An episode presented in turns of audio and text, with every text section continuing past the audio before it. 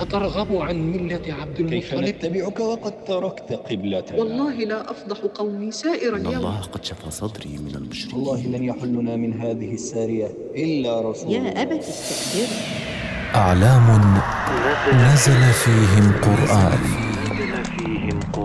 من المؤمنين رجال صدقوا ما عاهدوا الله عليه. أعراب بني أسد. يقول تعالى ذكره لنبيه محمد صلى الله عليه وسلم. يمنون عليك أن أسلموا. أي يمن عليك هؤلاء الأعراب يا محمد أن أسلموا. قل لا تمنوا علي إسلامكم بل الله يمن عليكم أن هداكم للإيمان.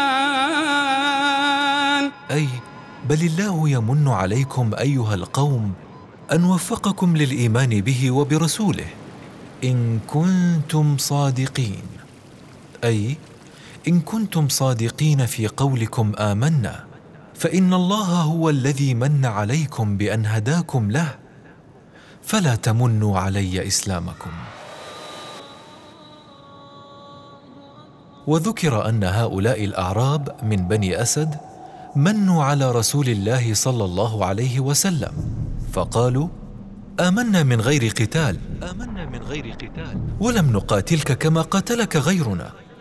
فأنزل الله تعالى فيهم هذه الآيات.